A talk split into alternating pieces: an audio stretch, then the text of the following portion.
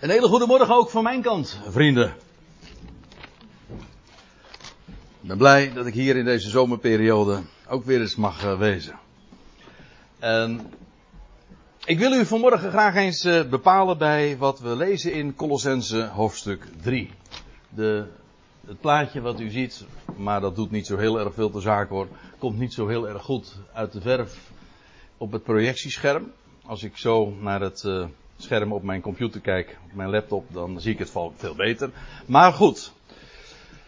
Het heeft iets te maken met jong en vernieuwd. En beide uitdrukkingen, beide woorden, beide begrippen, die worden gebezigd in dat hoofdstuk waar ik het zojuist over had. Colossense 3. En het lijkt mij verstandig om bij het begin even te beginnen met het voorlezen. Laat ik het eerst eventjes ook opzoeken in mijn eigen Bijbeltje. Ik wil namelijk naar vers 10 en 11 toe, met name.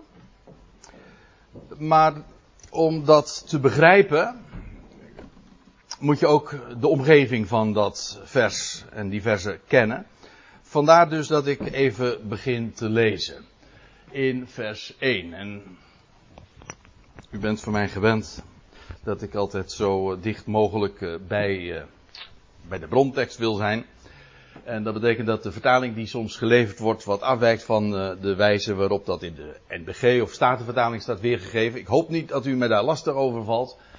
In elk geval, Paulus schrijft dan in Colossense 3 vers 1, indien jullie dan samen werden opgewekt met Christus, zoekt de dingen boven, waar Christus is gezeten in de rechterkant van de God. En het feit dat Paulus zo begint, geeft al aan dat hij voortborduurt op wat hij kennelijk in het voorgaande heeft gezegd. Ik zei al, uh, Colossense 3. Dus dat betekent dat er al twee hoofdstukken aan vooraf gegaan zijn, waar hij gesproken heeft over wie Christus is, vandaag verborgen. Maar degene die ooit stierf, met alle consequenties van dien, degene die werd opgewekt en die vervolgens nu ook ontrokken aan het oog daarboven is. En Paulus zegt, zoekt dan die dingen boven. Waarom? Want wij zijn met hem verbonden. Hij stierf, wij stierven met hem. Hij werd opgewekt, wij werden met hem opgewekt. En bovendien, waar hij nu is, daar zijn wij ook met hem. Dat is een, een, een waarheid die zo sterk in, in Paulus' brieven altijd weer benadrukt wordt. En hij zoekt de dingen die boven zijn. Dat betekent niet dat je, eh, zo heb ik dat vroeger ook wel een beetje, ja, onbewust toch opgevat van, nou betekent dat dat ik dan de hele tijd maar een beetje fantaseer en probeer voor te stellen hoe het daarboven is. Nee, dat is het niet. Dat is niet de dingen zoeken die boven zijn. Zo zul je ze trouwens ook nooit vinden. Zoeken de dingen die boven zijn, dat heeft alles te maken met het woord. Het woord, eh, zoals dat trouwens ook in vers 16 van ditzelfde hoofdstuk ook staat. Het woord van Christus wonen rijkelijk in u. En het is dat woord, wat, het is het woord van Christus, wonen rijkelijk in u. Dat is het woord dat Christus zelf, die daar is, aan Paulus ook heeft bekendgemaakt. En zoals Paulus daar ook over heeft gesproken. En Paulus zegt, bedenk die dingen. Dus het is helemaal niet wazig.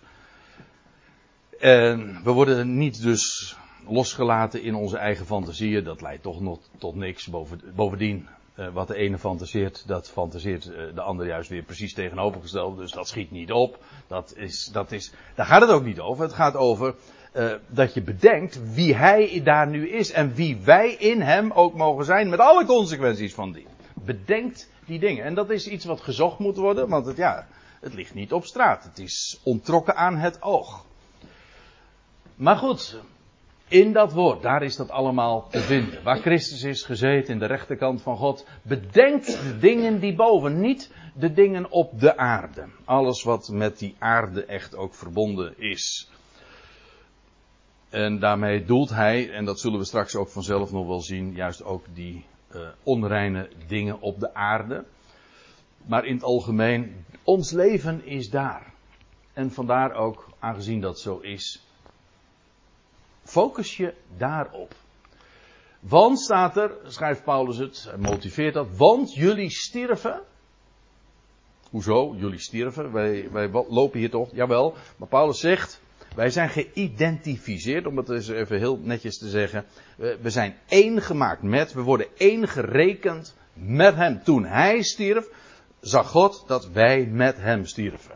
En dat wat hij uh, nu is, dat zullen wij straks zijn. Dat, bedoel, dat moet allemaal nog openbaar worden, maar zo rekent God. En wij worden ook geacht en opgeroepen om zo ook te rekenen en te denken. Jullie sterven, het leven van jullie is verborgen. Ja, dat, vandaar ook dat het gezocht moet worden. Samen, waar is dat leven dan? Nou, samen met Christus in God. Dat geeft ook wel aan dat dat heel solide en veilig en beschermd is. Wanneer dan ook, eenmaal, te zijner tijd, de Christus openbaar gemaakt zal worden. Hij is nu verborgen en hij wordt eens openbaar of manifest gemaakt. Het is het moment waar we toch naar uitkijken. Zijn, zijn parousia, zijn verschijning. En dan, wat gaat er dan gebeuren? Wel, eh, omdat hij ons leven is, dan zullen jullie ook samen met hem openbaar gemaakt worden in heerlijkheid. Ja, dat is het uh, grote uh, moment suprême, hè, zoals, we, zoals dat heet. Dat is het grote feit, heilsfeit, wat nu op, op het programma staat, hè, wat, wat gaat gebeuren. Dat hij openbaar zal worden en dan zullen wij met hem dus in diezelfde heerlijkheid openbaar gemaakt worden. Ik, ik, ik begrijp dat ook, uh, ook, ook letterlijk zo, dat als hij straks bijvoorbeeld zal verschijnen in heerlijkheid op de olijfberg voor dan zullen wij met hem daar zijn. Ja. Nou dat is een uh, onderwerp apart. Maar ja, dan wordt hij immers openbaar gemaakt in heerlijkheid en daar zullen wij bij zijn. Waar hij is, het hoofd, waar het hoofd verschijnt, daar verschijnt het lichaam ook met hem. Afijn. Uh, ik heb dit even uh, van tevoren ook gelezen. Om, om daarmee ook aan te geven van, ja, hier is de toon gezet. Dus feitelijk is het zo, ons leven is daar. En niet hier. Het is, het is nog sterker, ik wil het eventjes erop wijzen, want ja, dat heb ik, ik heb er geen diaatje van. Als u even terug zou lezen in hoofdstuk 2 vers, wat is het? Vers 20. Daar schrijft Paulus, uh, indien jullie dan met Christus stierven aan de eerste beginselen, aan de elementen van de wereld, waartoe laat gij u, en nou komt het, alsof u in de wereld leefde, geboden opleggen, raak niet, smaak niet, roer niet aan. Maar het gaat me even om dat ene zinnetje. Alsof jullie in de wereld leefden. Dat betekent dus dat uh, Paulus het echt zo ziet dat wij daar zijn. Daar is ons leven. En, en, en wij zeggen van ja, wij zijn hier. Ja, en in zekere zin zijn wij ook nog daar. Nee, het is precies omgekeerd. Wij zijn daar. Daar is ons leven. En in zekere zin zijn wij hier nog op aarde. Ja, uh, Paulus zegt het in Galaten 2, uh, oh, ja, over iets soortgelijks. En ik vind dat mooi. Uh, ze, dat noemen ze omdenken. Ja, dus echt ook omdenken. In een totaal ander perspectief de dingen plaatsen. Dat, dat hij aan het einde van Galaten 2 zegt van. En, uh, en voor, met Christus ben ik gekruisigd en toch leef ik. Dat is niet meer mijn ik, maar Christus leeft in mij. En dan zegt hij erachteraan. En voor zover ik nu nog in het vlees leef. Zie je? Voor zover. Want dat, dat zou je ter discussie kunnen stellen. Want als ja, ons leven daar is, dan, nou, eigenlijk de gedachte, als ik het even zo mag zeggen, wij zijn hier nog, wat, wat hier is, dat is voor spek en bonen. Telt niet meer echt mee, daar is ons leven. Ik weet, daar kun je natuurlijk verkeerde conclusies uit trekken, daar gaat het nou niet om, maar u begrijpt de gedachte. Daar is ons leven. En dan, uh, want dan kun je natuurlijk de vraag stellen van ja, en wat dan, uh, voor zover we hier dan nog op aarde zijn? Nou zegt hij, uh, en nou, zie je meteen ook wel, als ik zo uh, mag zijn, het belang van een, eh, van een goede weergave. Want als je dan in de NBG-vertaling, trouwens vrijwel alle vertalingen doen dat, die zeggen dan van dood dan de leden die op de aarde zijn. Dood dan de leden die op de aarde zijn. Ik heb altijd dat, uh, het, uh, het idee daarvan gehad, ook een beetje onbewust, maar dat dat vloekt. Of dat, dat matcht niet. Aan de ene kant van dat we daar gerekend worden en dan hier weer op aarde. Ik zie het al voor me, weet je wel, als je dat. Het is uiteraard beeldspraak, dat je dan de leden. Hè, dat, en, en wat dat is, nou ja, dat wordt dan. Wat Paulus eronder verstaat, dat staat dan in het navolgende. Uh, maar dat je dan actief bezig bent om dat, uh, om dat allemaal af te kappen, te doden. Je, je ziet het bij wijze van spreken al met een zwaard, jezelf met een zwaard rond zwaaien en, en dat allemaal doden die leden die op de aarde zijn, en die zijn er genoeg. In alle varianten, in soorten en maat en kleuren. Maar dat staat er niet. Er wordt hier namelijk een woord gebruikt, en ik, ik geef het dan meteen maar goed weer, doet dan versterven. En ik kan dat ook eigenlijk wel vrij goed bewijzen. Uh, want dit woord, u kunt het zo bijvoorbeeld als u een bijbelprogramma hebt en je kijkt naar het strongnummer, dan zie je dat dat woord dat hier gebruikt wordt drie keer voorkomt in het Nieuw Testament. En dat is hier dus. En die twee andere keren, dat is één keer in Romeinen 4. En dan gaat het over Abraham. En dan staat er, en zonder te vervlouwen, vers 19 van Romeinen 4, en zonder te vervlouwen in het geloof, heeft hij opgemerkt, en dan gaat het over de oude, als ik het zo mag zeggen, impotente Abraham, die, ja, God had gezegd, je zal, hij had, hem al zijn naam gegeven, Abraham, dat betekent vader van vele volkeren. Zo heette hij dus al. Dus als Sarah riep, vader van vele volkeren, dan moet je nagaan, hij was kinderloos. En bovendien oud, en zijn vrouw was onvruchtbaar en ook al oud. Dus, ja, hoe onmogelijk wil je het hebben? En dan vervolgens iedere keer geroepen worden met uh, Abraham. Nou, en daarmee een naam. What's in the name zeggen ze dan? Nou, heel veel. Als God je een naam geeft. Wauw. Want dat, dat is meteen een belofte ook. Een belofte van leven. Nou, en zonder te vervlouwen in het geloof. Heeft hij zelf opgemerkt dat zijn eigen lichaam verstorven was. Niet gedood, nee, verstorven. Dat wil zeggen, niet meer in staat om uh, leven voort te brengen. Uh, daar hij ongeveer 100 jaar oud was, staat er dan. Maar dan wordt het dus weergegeven. Ik lees, dit is gewoon overgenomen uit de NBG-vertaling. Hij had opgemerkt dat zijn eigen lichaam verstorven was. In Hebreeën 11 gaat het trouwens weer over Abraham. En dan staat er in vers 12, daarom zijn er ook uit één man, Abraham, of Abraham, en wel een verstorvene, exact hetzelfde woord weer. Voortgekomen als de sterren des hemels in menigte, gelijk het zand aan de oever der zee dat ontelbaar is. Alsjeblieft als een verstorvene. God, en eigenlijk is daarmee feitelijk ook een, een, het evangelie in, in, de, in de kiem ge, geïllustreerd. Namelijk, wat doet God? Wel, hij, daar waar de dood heerst, daar verwekt hij nieuw leven door opstanding.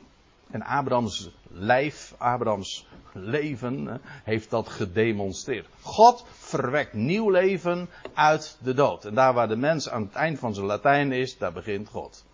Dat vind ik altijd zo mooi. Wij kunnen niet hoger. We zitten aan ons plafond en dan zegt God, ah, dat is een mooie vloer voor mij. Daar begin ik. Een, eh, een, een, universeel Bijbels principe. Maar het gaat mij eventjes, want ik zou zomaar nou uh, van mijn lijn, hoofdlijn afkomen. Het gaat mij er even om dat dat woord wat gebruikt wordt, ehm, pardon, versterven is. Het is drie keer. Hier moet je, zou je dus niet moeten weergeven doden, maar doet dan versterven. Hè? Doen versterven, dat betekent ja, iets doen versterven. Als een als het een activiteit is, dan wil dat zeggen dat uh, het uh, geen voeding meer wordt gegeven. En dan versterft het lichaam. Het is ook in feite een, uh, een medische term. En denk daar eens over na.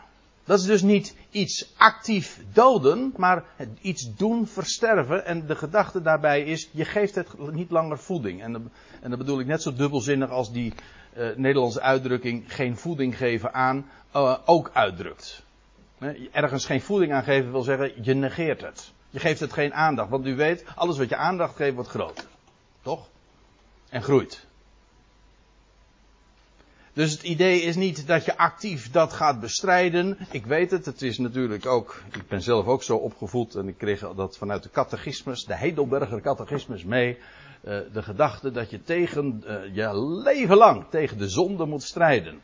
En het idee daarbij is dat je, en dat merkt hij ook wel heel sterk in de prediking, altijd die focus op de zonde. Namelijk om het niet te doen.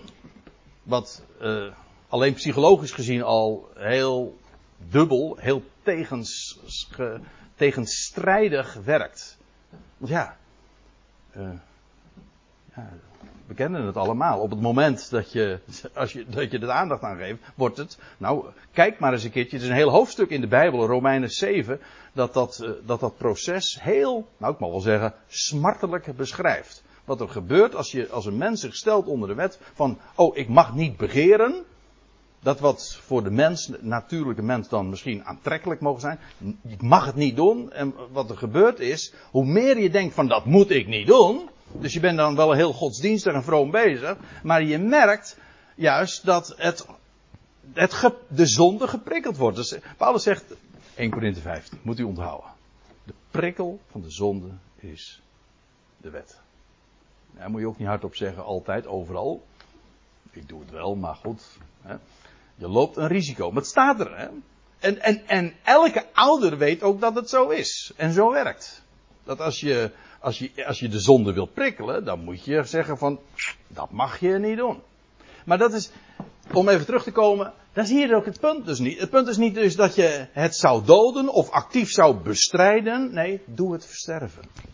Wat, welke leden dan? Nou, hoererij. Paulus noemt zo allerlei van die dingen die allemaal te maken vooral hebben dan met kwade uh, begeerte. Uh, hoererij, dat is seksuele gemeenschap met iemand die niet jouw man of vrouw is. onreinheid, hartstocht, namelijk in de zin van kwade begeerte. Bovendien, de hebzucht, dat, dat is een leuk Grieks woord, want ik, ik, ik zocht het eventjes op in zijn elementen. En als je de, kijkt hoe dat woord is opgebouwd. Hebzucht is in het Grieks, betekent letterlijk meer hebben.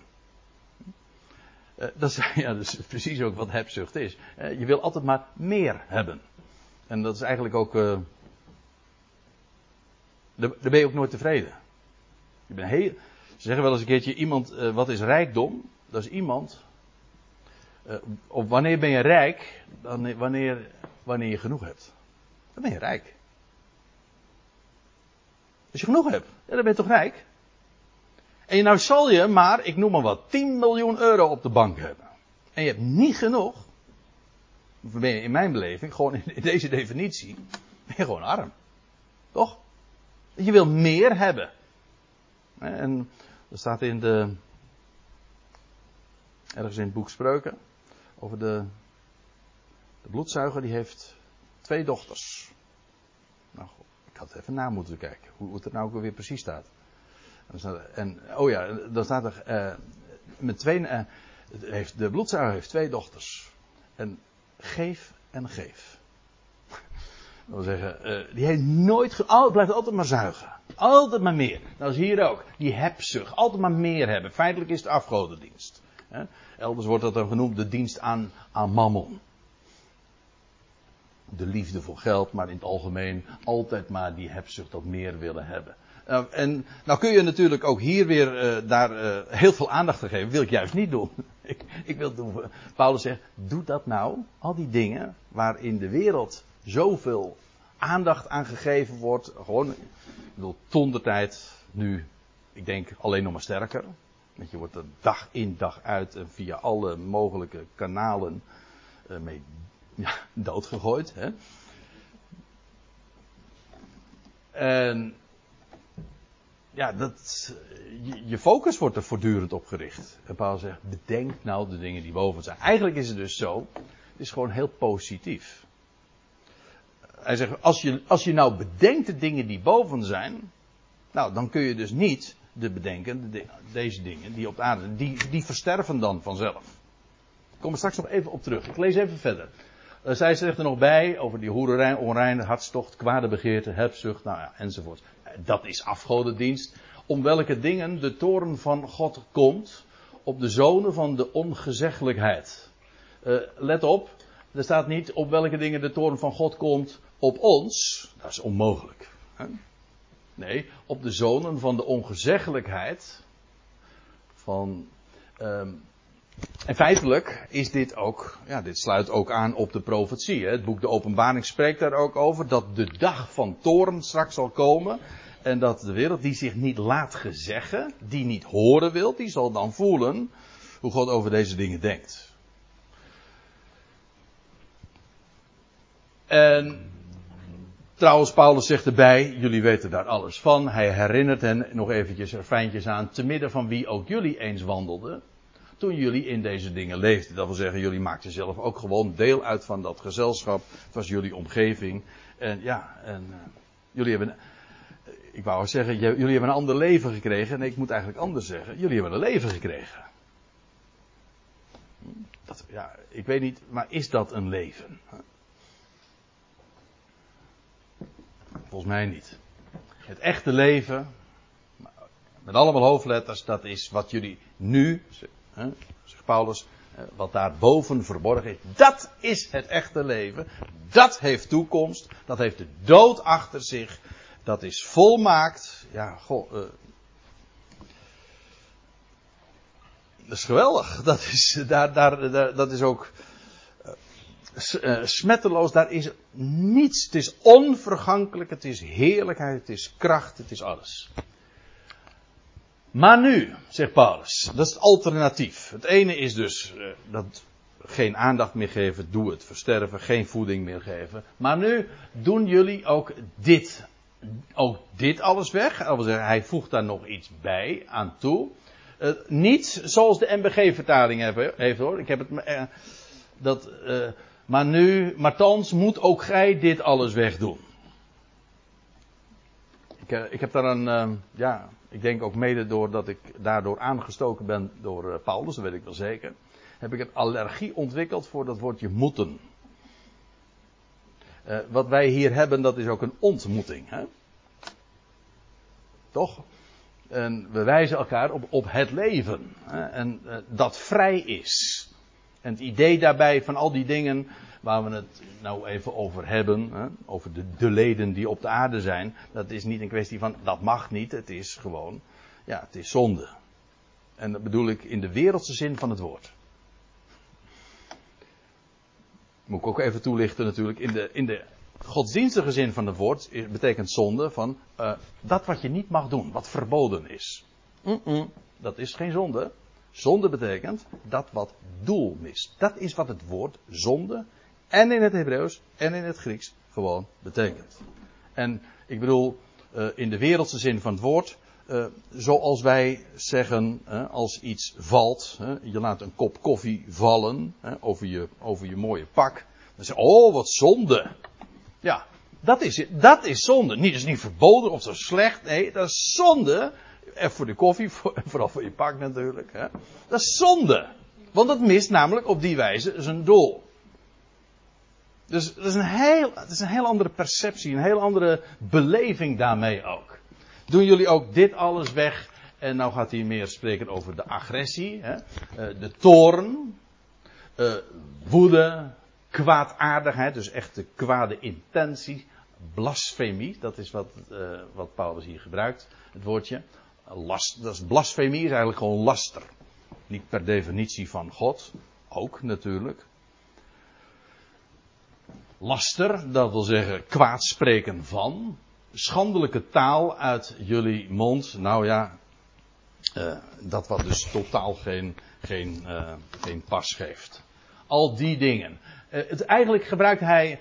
Eerst sprak hij over doen versterven en hier over wegdoen. Een ander, als ik me niet vergis, staat er in de Statenvertaling wordt er gesproken over afleggen. Leg dat af. En toen ik daar nog even over dacht, doordacht, toen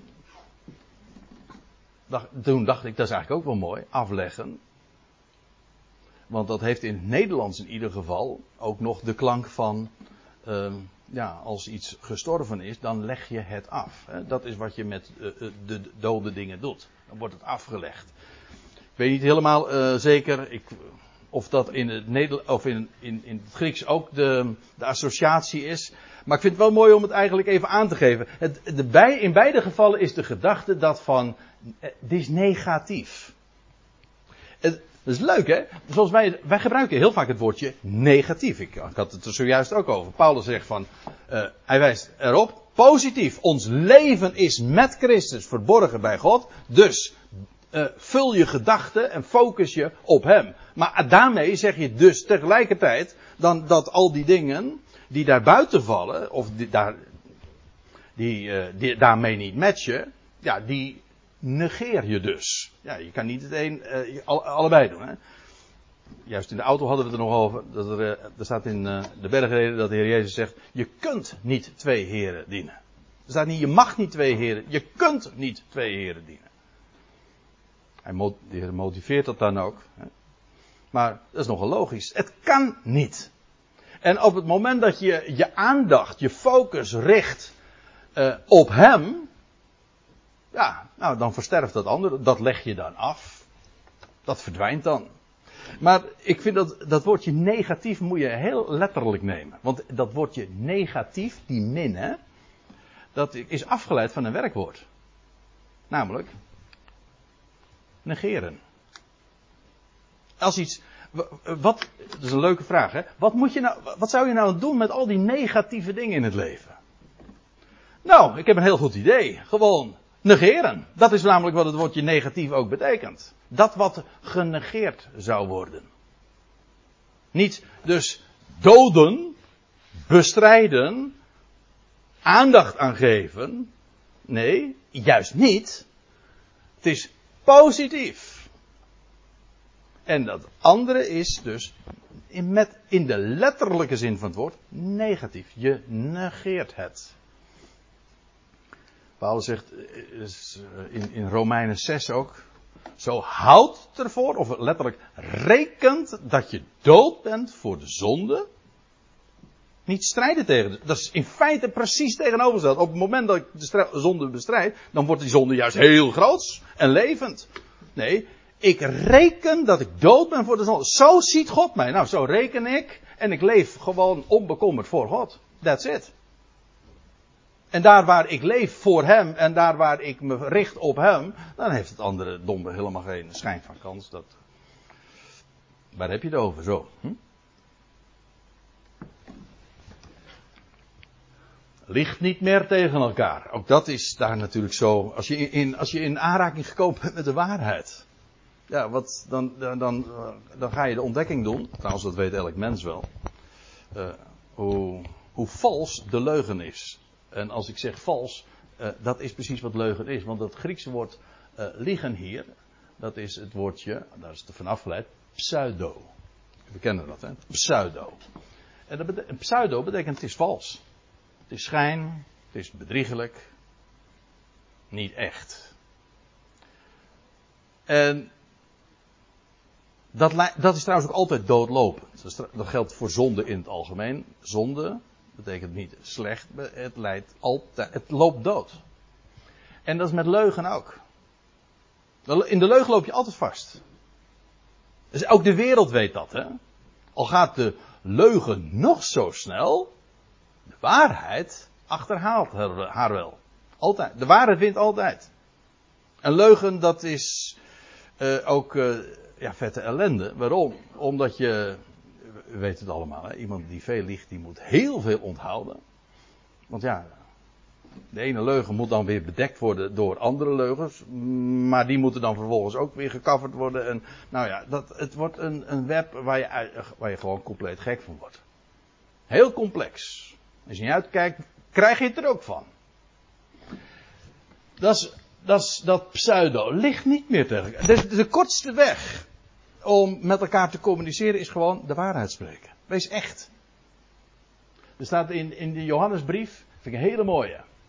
Zou je om het onthouden. Het is zo'n universeel principe.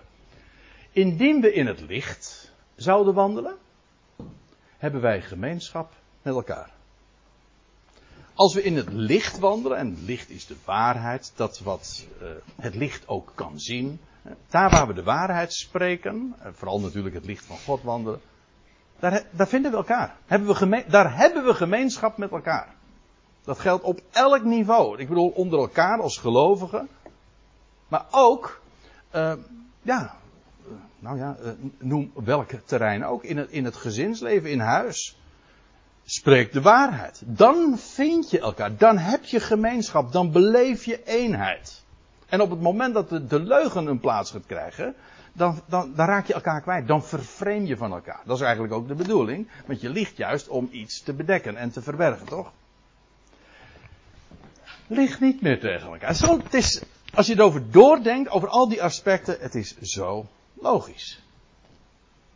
Ligt niet meer tegen elkaar, trekt de oude mens uit, uh, samen met zijn praktijken. Of, uh, ja, af, oh, oh, hier staat in de MBG-vertaling, daar ga je de oude mens afgelegd. Maar hier wordt letterlijk een woord gebruikt, afstropen, uittrekken. Zoals je bijvoorbeeld een, um, een, een, broek of een kledingstuk of een schoen uittrekt. In die zin. Dus een, de, metafoor is die van een kledingstuk. Gewoon, uh, je bent een nieuwe mens. Kijk, dat is hier de gedachte. Een nieuwe mens. Uh, en. Ja, wat is die nieuwe mens? Eerst even dat. De oude mens. Dat is gewoon de, de mensheid zoals we die tegenkomen op straat en gewoon hier op aarde. Dat, zijn, dat is wat voortgekomen is uit Adam. Ons aller stamvader. Dat is Adam. Adamieten. Dat is de oude mensheid. Er is ook een nieuwe mens. En die heet daarom ook. Maar omdat hij ook de mensheid representeert, heet hij de laatste Adam. En ja, dat is een nieuw, dat is een heel nieuw type mens. De Adam is, nou ja, je zou om het helemaal uh, op een rijtje te krijgen, zou je bijvoorbeeld eens 1 Korinthe 15 moeten lezen. Oude Adam is uit de aarde, aards, vergankelijk. En onderhevig aan de zonde. De nieuwe mens, ja, die begint in de opstanding van Christus. Daar, daar de laatste Adam. Een levendmakende geest. De steen werd weggewenteld en zie daar de eersteling van een hele nieuwe mensheid. En zoals in Adam allen sterven, dat is, dat is de oude mens. Zo zullen in Christus alle mensen worden levend gemaakt. Ieder in zijn eigen rangorde, allemaal afdelingen enzovoort. Maar dat is die laatste Adam. Dat is die nieuwe mens. Wel, die hebben wij leren kennen. En ja, daar hoort, uh, zoals bij die oude mens, een, een bepaald gedrag past. Hè? Een, een, ja, hoe gaat dat? Uh, als je, je, trekt kleding aan om, ja, niet alleen maar ter bescherming van, ook ter bedekking van, maar ook om aan iets uitdrukking te geven, toch? Gisteren hadden wij een, een begrafenisdienst en ja, wat, dan trek je bijpassende kleding aan, natuurlijk. Of je gaat naar een bruiloft, uh, of je gaat naar je werk. Kleding drukt ook uit dat uh, wat je bent, maar ook waar je, wat, wat bijpassend is. Wel, bij die oude mens passen bepaalde praktijken. En Paulus had er juist een heel lijstje al genoemd. Bij de nieuwe mens horen net zo goed. Uh, daar hoort ook een jasje bij, als ik het zo mag zeggen. Daar hoort ook een kleding bij die daar. En, en, ja, er is ook kleding die, of, ja, die daar niet bij past. En Paulus zegt daarvan, ja, wat doe je daarmee? Gewoon nou uittrekken. Ja, kleedt u zich maar uit. En, uh, ja, en dan, maar vooral ook, maar dat zult u hier ook zien, dat uitkleden is niet, dat lijkt negatief, maar dat is juist om namelijk je, je nieuwe klofje, je, je nieuwe kleding aan te kunnen trekken. Maar ja, dan trek dat uit. Trek de oude mens uit, samen met zijn praktijken. En trekt aan de jonge. Die wordt vernieuwd tot besef. Uh, trekt aan, of ja, aangedaan hebbend. De, ja, dan staat er de nieuwe mens, die wordt vernieuwd tot volle kennis in uh, uw vertaling. Uh, dus, dat is een beetje een, ja, nou ingewikkeld valt wel mee, maar het is subtiel in het Grieks. Je hebt namelijk twee woorden. Uh, namelijk, hier wordt, gebruikt, uh, wordt het woordje neon gebruikt. En dat is, betekent letterlijk jong. En hier wordt een ander woord gebruikt, dat vernieuwen. En dat is een, een, weer, dat is een ander woord. En dat betekent inderdaad nieuw. Kijk, laat ik het zo zeggen. Je hebt oud. Wat is de tegenstelling van oud? Nou, kijk, dan krijg je twee uh, opties. De tegenstelling van oud is jong. Of de tegenstelling van oud is nieuw. Nou, in, in, uh, zo kun je trouwens ook uh, prima aan, aanduiden. Nou, hier wordt gesproken over uh, die oude mens. Hè? Dat Adamitische, zeg maar. Dat wat geen toekomst heeft, wat uiteindelijk ook vanzelf weer verdwijnt, hoor, daar niet van. Maar de oude mens uittrekken en de jonge, dus de oude mens en de jonge mens. En hoezo de jonge mens? Hij is nog, nou, nou zijn we 2000 jaar verder, hè? En ik had het over die nieuwe, de, de nieuw, eh, de, je hebt de oude mens en je hebt vervolgens, ja, de nieuw, eigenlijk de jonge mens. Ja, dat is, die kwam aan het licht toen, zoals gezegd, toen de steen werd weggewenteld. De laatste Adam uit het graf kwam. Dat was de jonge mens. En nu 2000 jaar later is nog steeds de jonge mens. Het is namelijk, zoals ze dat in het Engels zeggen, forever young. Dat blijft jong. Dat is namelijk fris, het is onvergankelijk, blijft vitaal. Ongeacht de leeftijd. Het maakt helemaal niet uit. Het is jong. Het is een jonge, frisse, vitale, levende, onvergankelijke mens. Trek die jonge mens aan. Dus uh, klinkt ook heel aantrekkelijk, moet ik zeggen. Die wordt vernieuwd tot besef. Dat is een voortdurend proces. Het is niet iets eenmaligs. We worden vernieuwd. Paulus spreekt er ook elders in zijn brief over. Hè? In, in je, niet uh, van buitenaf door kunstjes te leren, maar door je denken. Hè? Je ge, getransformeerd in je denken. Je wordt vernieuwd, er staat hier ook, vernieuwd tot besef, tot volle kennis, epignosis. Het heeft echt te maken met kennis. Je moet dingen weten. Als je dingen niet weet, ja, dan, dan kun je dus ook niet vernieuwd worden. Vernieuwd word je juist ook in en door en ook met het oog op dat besef. Volle kennis. Besef vind ik mooier. Volle kennis wil niet zeggen dat, dat, je, dat je alles weet. Hè, dat de kennis compleet is, maar besef. Kijk, dat, even een korte toelichting op het woordje epignosis. Dat is een heel mooi woord. Epignosis, dat is epi, dat betekent op. En gnosis, dat is kennis. Dus het is eigenlijk opkennis, of bovenkennis. Dat veronderstelt kennis, je, dat je weet. Maar het is meer dan kennis. Nou, dat is wat wij aanduiden met iets realiseren of beseffen. Dat is epignosis. Dat is dus echt, ja, zo wilt volle kennis, maar besef is beter. Je kunt namelijk dingen weten, dat is één ding. Maar er zijn dingen die je weet, maar die je niet beseft. En feitelijk gaat het erom dat je, ja, je doet, bij, je doet bijbelstudie, je, je, je, onderzoekt de schrift, je leert die schrift kennen, en ieder op zijn en, uh, niveau en wijze. Maakt niet uit.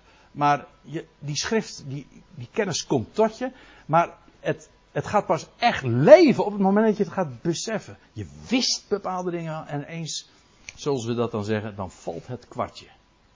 Aha, dat is het. En dan, wauw honderd keer gelezen en eigenlijk nooit gerealiseerd wat daar echt staat. Nou, dat is besef. Vernieuwd worden tot besef naar het beeld van zijn schepper. Prachtig. Dus uh, ziet u hier, er, vindt een, een, vernieuwing plaats en een besef krijg je. En uh, dat is allemaal in overeenstemming met of naar uh, de, het beeld van zijn schepper. De schepper is uiteraard God. Het beeld van zijn schepper.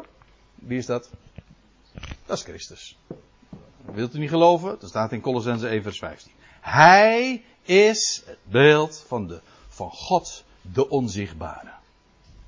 Hij is de, de icoon. Hij representeert God. En God die heeft ooit deze wereld gemaakt, de schepping gemaakt door zijn woord. Hij sprak en het was er. En ooit is dat woord vervolgens ook vlees geworden. Dat is Christus. Het beeld van zijn schepper, dat is Christus. Daar, dat is het model, het prototype, als ik het zo mag zeggen. En daarin, in die nieuwe mensheid, ja, daar zijn ook heel andere, de onderscheidingen die hier nog verdeeldheid brengen, die spelen daar geen enkele rol. Uh, zoals, daar zijn, nou, Griek en Jood. Ik ga daar nu niet te diep op in. Uh, of meer in de godsdienstige zin, besnijdenis en voorhuid. En onbesneden zijn dus. Of barbaar, skiet, uh, slaaf of vrije, maatschappelijke posities, godsdienstige verschillen, nationale verschillen, raciale verschillen, uh, beschaving. Hè. U weet, een barbaar heeft nou niet bepaald de reputatie van iemand die. Het is bij ons zelfs synoniem voor iemand die onbeschaafd is. Al die onderscheidingen die hier in de wereld uh, verdeeldheid zijn, die zijn in de nieuwe mensheid totaal niet aan de orde. Maar alles en in alle is Christus. U ziet, ik ga er even snel aan voorbij, want ik wil even verder. Ik wil nog eventjes bij vers uh, 14 aankomen. Hij zegt, trek dan aan. Hè? Nou, nou komt het. Dus je hebt je, die, oude mens met zijn praktijken heb je afgelegd. Past niet, matcht niet.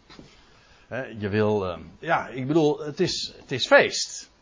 En ze zeggen dan, uh, het leven is een feest.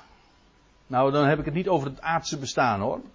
Maar, ja, in de wereld vaak wel. Maar het leven, en ik hoop dat u begrijpt wat ik bedoel. Het leven is een feest.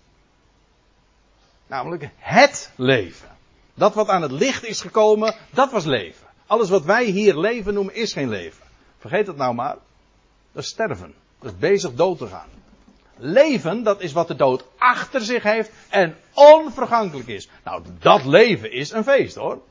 Nou, uh, bij, die, bij dat feest hoort uh, een feestelijke kleding. Een leven, ja, gewoon een praktijk die daar, daarmee matcht, die, die, dat demonstreert. Uh, dat is niet van dat moet, dat is juist. Op het moment dat je in die termen denkt, heb je, heb je het nog niet helemaal begrepen. Of zou ik zeggen, heb je het helemaal nog niet begrepen. Nee. Trek dan aan als uitverkorene van God. God heeft je uitgekozen. Het feit dat wij nou dingen mogen weten, dat is niet een verdienste. We zongen het zojuist al. Ik ben niet gered door mijn werken, zelfs niet door berouwvol geween. Dat is een evangelisch misverstand. Die denken van, oh, ik heb voor Jezus gekozen. Vergeet het maar. God heeft je hart geopend. Heeft je ogen geopend. Pure, en dat bedoel ik echt zoals ik het zeg, pure genade. En u zegt, ja, maar hoe zit het dan met de rest van de wereld? Don't worry. Gods plan is alomvattend. Dat komt helemaal goed. Maar wij, God kiest uit. En wij mogen uitverkorenen van God zijn. Heiligen, dat wil zeggen apart gezet. Bovendien geliefden. Nou, doet dan aan, wat past daar wel? Nou, inmiddels hebben we wel gezien wat er niet past. Uh, innerlijke gevoelens van ontferming. Hè? Wij zeggen, spreken dan van empathie. Je kunt verplaatsen in de ander uh, vriendelijkheid, uh, nederigheid. Je, uh, nou ja, wat het woord ook precies zegt. Dat wil zeggen, de ander hoger en meerder achten. Bescheidenheid. Nou ja, of zachtmoedigheid. Maar eigenlijk zachtmoedigheid is niks anders dan bescheidenheid. Het is opvallend hoe vaak die woorden nederig en zachtmoedig in één adem ook worden genoemd. Want het is nederig en bescheiden. Geduld, al die eigenschappen die demonstreren precies ja, wat zo passend is bij de nieuwe mens. Geduld bijvoorbeeld. Ja, wij, wij hebben de tijd. Toch? Wij hebben de tijd. Dus uh, geduld is daar, uh, hoort daar ook bij. Verdraagt elkaar. Bewijst genade onder elkaar. Niet, niet zozeer van vergeeft elkaar, maar bewijst genade. Genade betekent vreugde geven om niet, zonder dat er prestaties tegenover staan. Indien iemand naar iemand anders een klacht heeft, een grief heeft. is toch logisch? Je hebben toch al, ik bedoel, je leeft met elkaar en uh, we zijn niet volmaakt. Nee, we zijn niet volmaakt. En, uh, en daar moet je altijd maar mee, mee dealen als je met mensen te maken hebt. Ook onderling, ik bedoel als gelovige. je loopt daar zo vaak tegenaan, dan, dan moet je inderdaad soms verdragen. Hè? Daar zijn irritaties. Nou, wat, wat doe je daar nou mee? Nou, indien iemand naar de ander nu een klacht heeft, terecht of ten onrechte. Zoals ook de Heer genade bewijst aan jullie, doen jullie even zo. Dus het komt er eigenlijk op neer, hoe meer je gaat beseffen, beseffen. Hoe Hij genade bewijst, hoe meer ik daarmee ook uh, leer en de kracht krijg en ook de logica ga zien om mij ook zo op, naar een ander op te stellen. Dat is, uh, dat is een logisch effect daarvan. Als hij mij, als hij mij genade bewijst, wie ben ik dan om dat niet aan een ander te bewijzen? Dus het is niet een ander vergeven, dat is nog veel te zuinig. Het is genade. Het is niet van, oh, nou ik zal het je niet meer aanrekenen. Gewoon maak die ander blij. Om niet. Nou,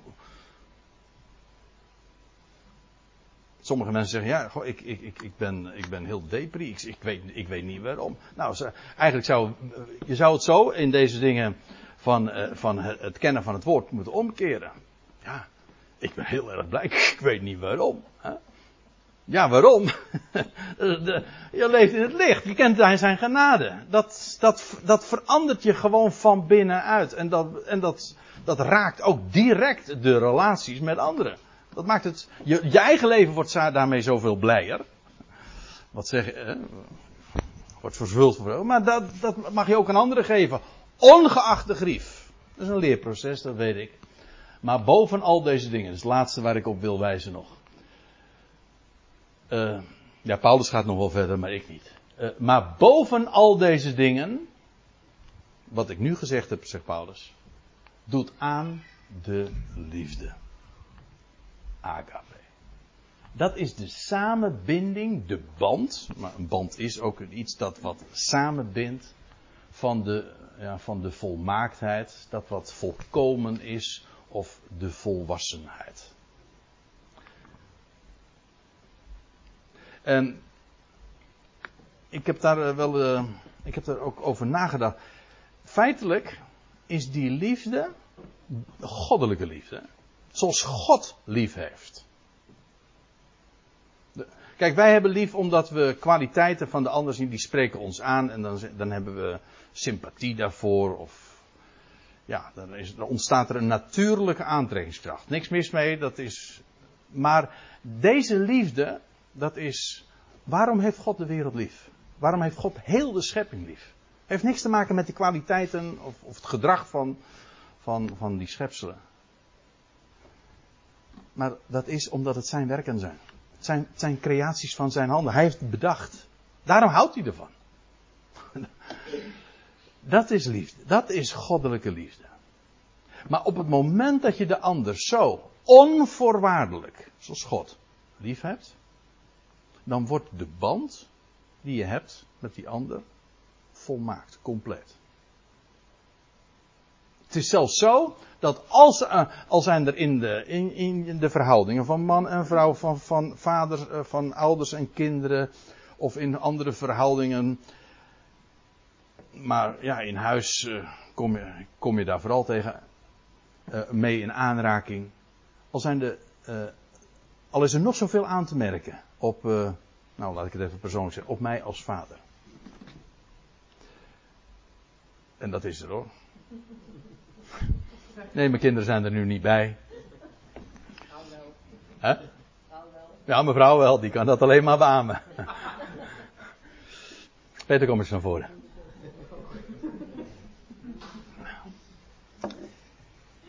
Nee, maar zo werkt het. Uh, uh, nee, ik, ik, ik bedoel het helemaal niet jolig.